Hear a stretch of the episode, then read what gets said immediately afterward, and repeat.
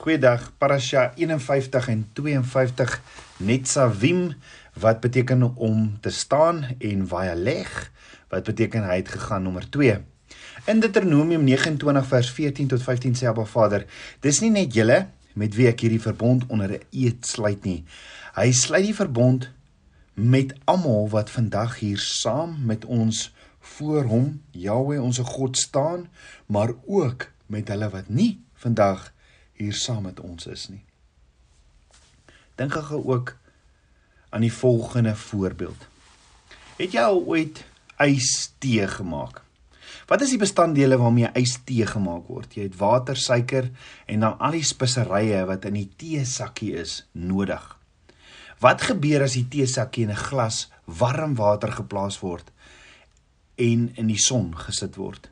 Die speserye uit die teesakkie begin uit die teesakkie sypel en dit meng met die water.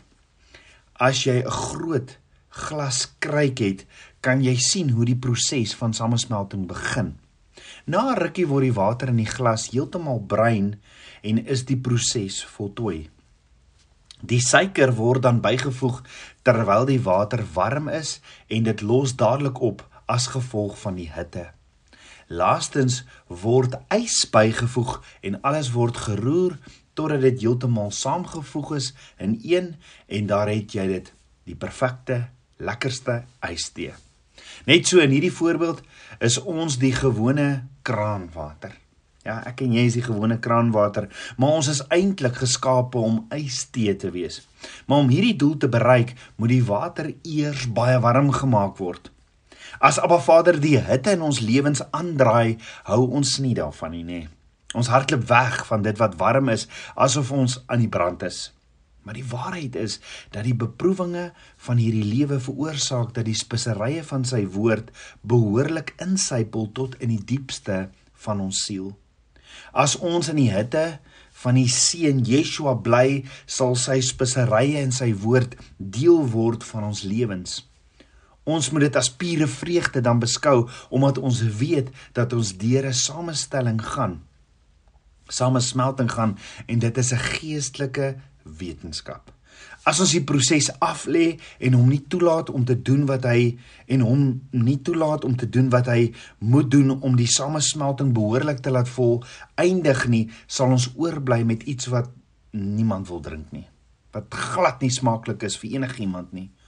Ongelukkig word hierdie baie bedien halfgemaakte ystee wat bitter en wat goed vir niks is nie.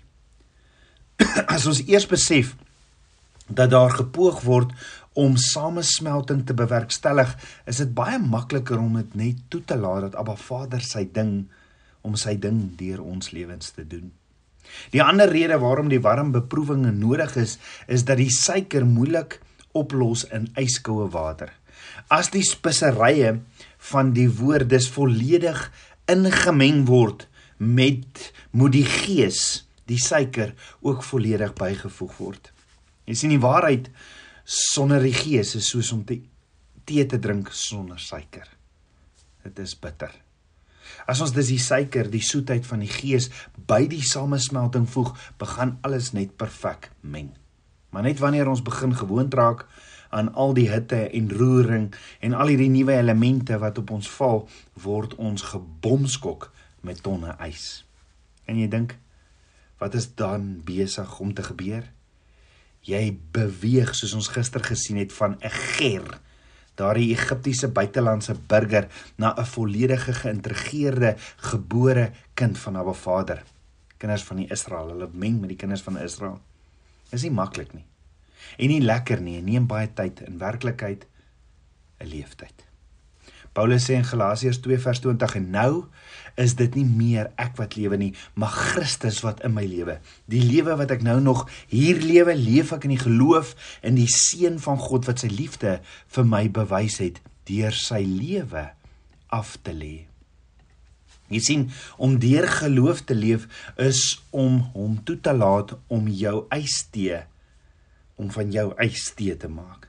Dit is om toe te laat dat die proses ten volle voltooi word. Geloof is nie net om te besluit om by 'n nuwe land aan te sluit van wie die voordele nie. Geloof is om 'n doener te wees van die nuwe grondwet wat jy geleer het.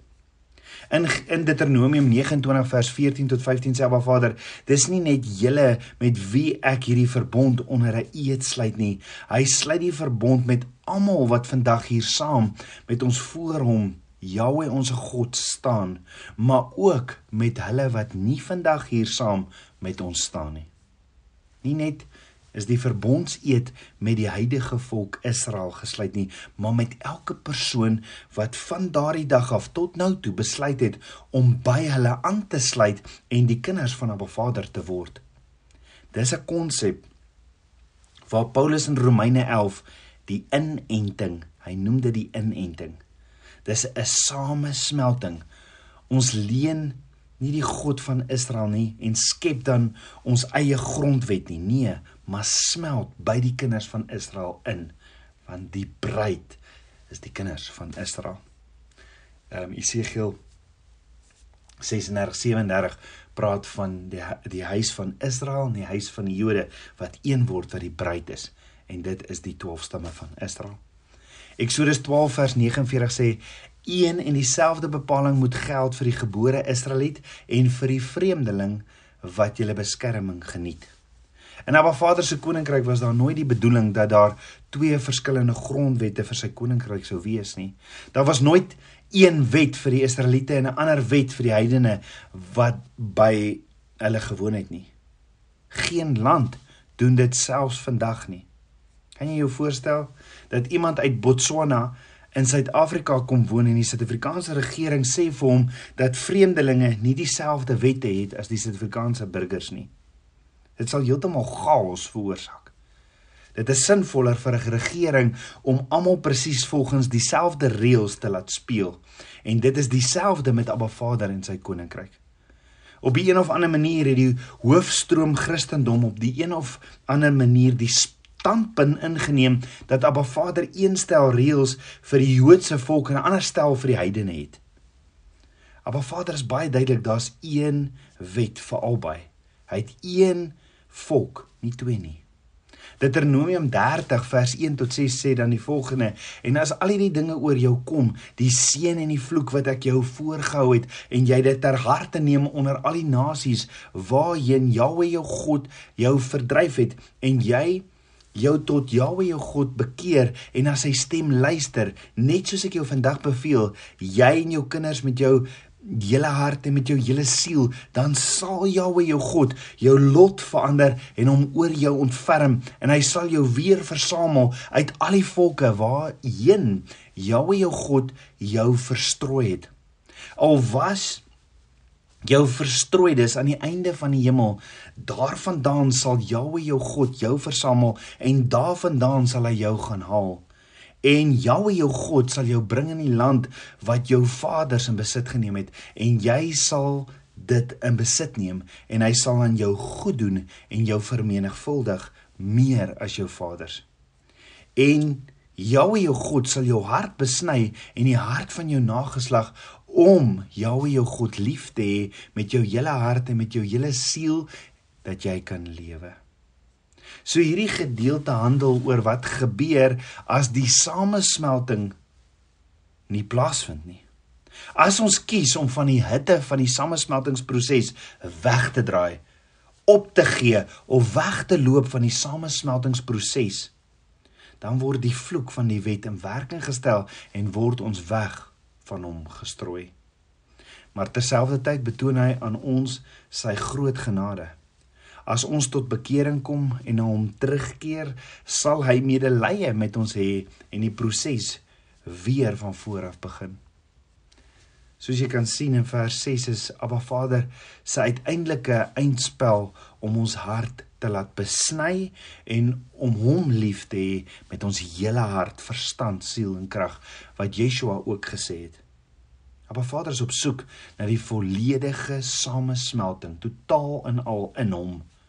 Kyk na die volgende verse wat wat ons vertel waar en hoe hierdie samesmelting plaasvind. Deuteronomium 30 vers 11 tot 14 sê dan verder: Die gebod wat ek jou vandag beveel is nie te moeilik vir jou nie. Interessant dat Abba Vader dit sê, nê? Nee. Die gebod wat ek jou vandag beveel is nie te moeilik vir jou nie. Dit is ook nie buite jou bereik nie. Dit is nie in die hemel nie sodat jy nie hoef te sê wie sal vir ons opklim hemel toe om die gebod vir ons te gaan haal en ons dit mee te deel sodat ons daarvolgens kan lewe nie. Dit is ook nie oor kan die see nie sodat jy nie hoef te sê wie sal vir ons oorvaar na die oorkant toe om die gebod vir ons te gaan haal en ons dit mee te deel sodat ons daarvolgens kan lewe nie. Die gebod is baie naby aan jou. Jy kan daaroor praat, jy ken dit, jy kan daarvolgens lewe. Die samesmelting vind plaas in die mond en in die hart. Paulus haal eintlik hierdie gedeelte aan in sy brief aan die Romeinse gemeente waar hy sê in Romeine 10 vers 9 tot 10: As jy met jou mond bely dat Yeshua die Here is en met jou hart glo dat God hom uit die dood opgewek het, sal jy gered word. Met die hart glo ons en ons word vrygespreek en met die mond bely ons en ons word gered. Geregtigheid is 'n kenmerk van 'n Vader en as iemand dus van harte glo, word hulle outomaties na die regverdige toestand geplaas nog voordat hulle enkele ding doen om dit te bewys. Dit is amper soos om iemand met 'n handdruk jou woord te gee onmiddellik word jou woord as goud beskou en staan jy reg voor daardie persoon. Maar vanaf daardie oomblik moet jy jou woord nakom met die werk wat nodig is om die belofte na te kom. As jy dit nie doen nie, word die oorspronklike belofte nietig verklaar.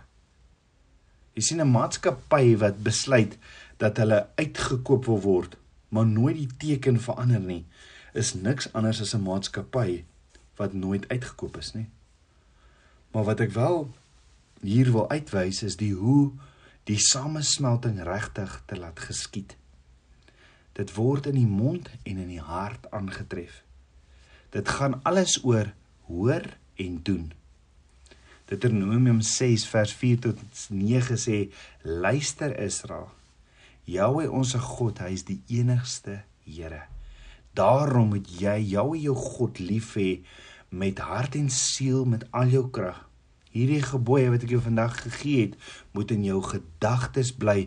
Jy moet dit inskerp by jou kinders en met hulle daaroor praat as jy in jou huis is en as jy op pad is, as jy gaan slaap en as jy opstaan. Jy moet dit as her herinneringstekens vasbind aan jou hande. Dit moet 'n merk op jou voorkop wees. Skryf dit op jou deurkosyne en op jou stadspoorte. So die eerste hoofdeel van hierdie samesmelting en om dit te laat geskied is om die hele tyd daaroor te praat. As ons in ons huise sit, as ons langs die pad loop, as ons gaan lê en as ons opstaan, ons is veronderstel om derentyd Abba Vader en sy woord op ons lippe te hê. Ons lof vir hom is om voortdurend op ons lippe te wees en ons gedagtes moet die hele dag oor hom wees. Dawid sê in Psalm 34 vers 2: Ek wil Jahweh altyd loof. Sy lof sal altyd deur in my mond wees. So Abba Vader wil hê dat sy kinders voortdurend aan hom moet dink.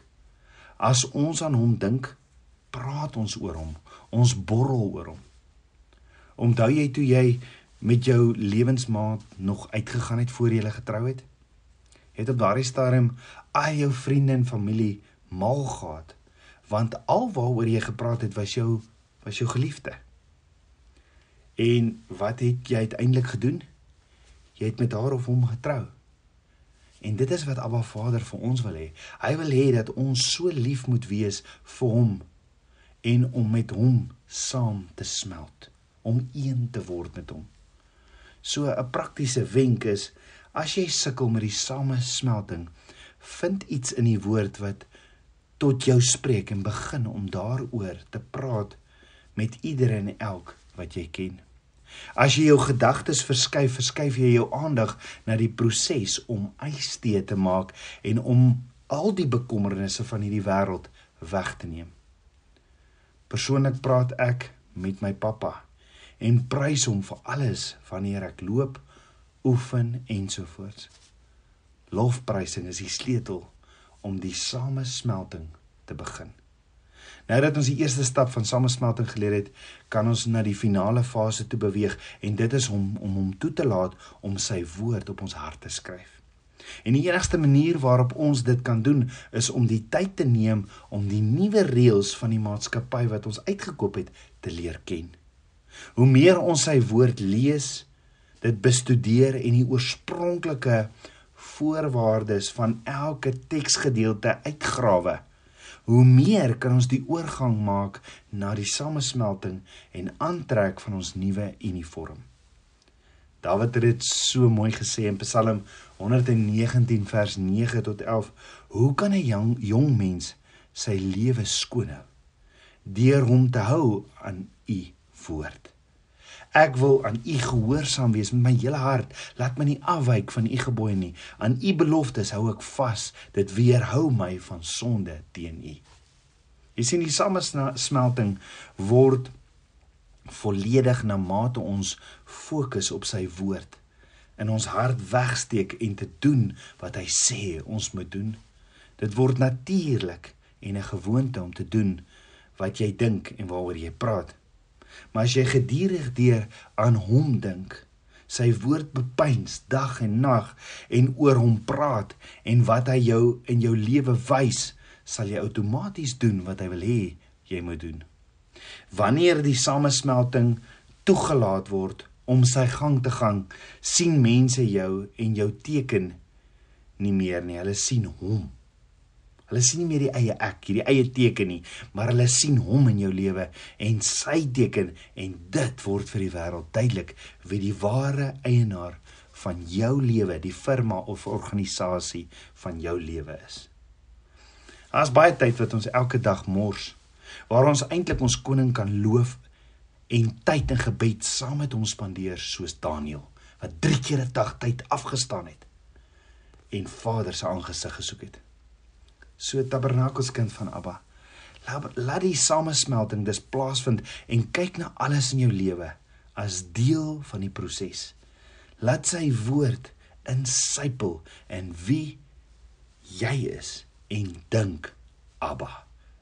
As jy klaas sal jy 'n soet, amazing drankie wees vir iemand anders se warm dag. Kom ons bid saam. Aba Vader, skieper van my hart. Aba, ek loof en ek prys U. Vader, hier is my alles. Was my met die waterbad van U woord en kom leef in my. Meer en meer van U. Vader, verander my, transform my. Hier is my lewe. Ek bid dit alles in Yeshua Messie se naam die seun van Jahweh.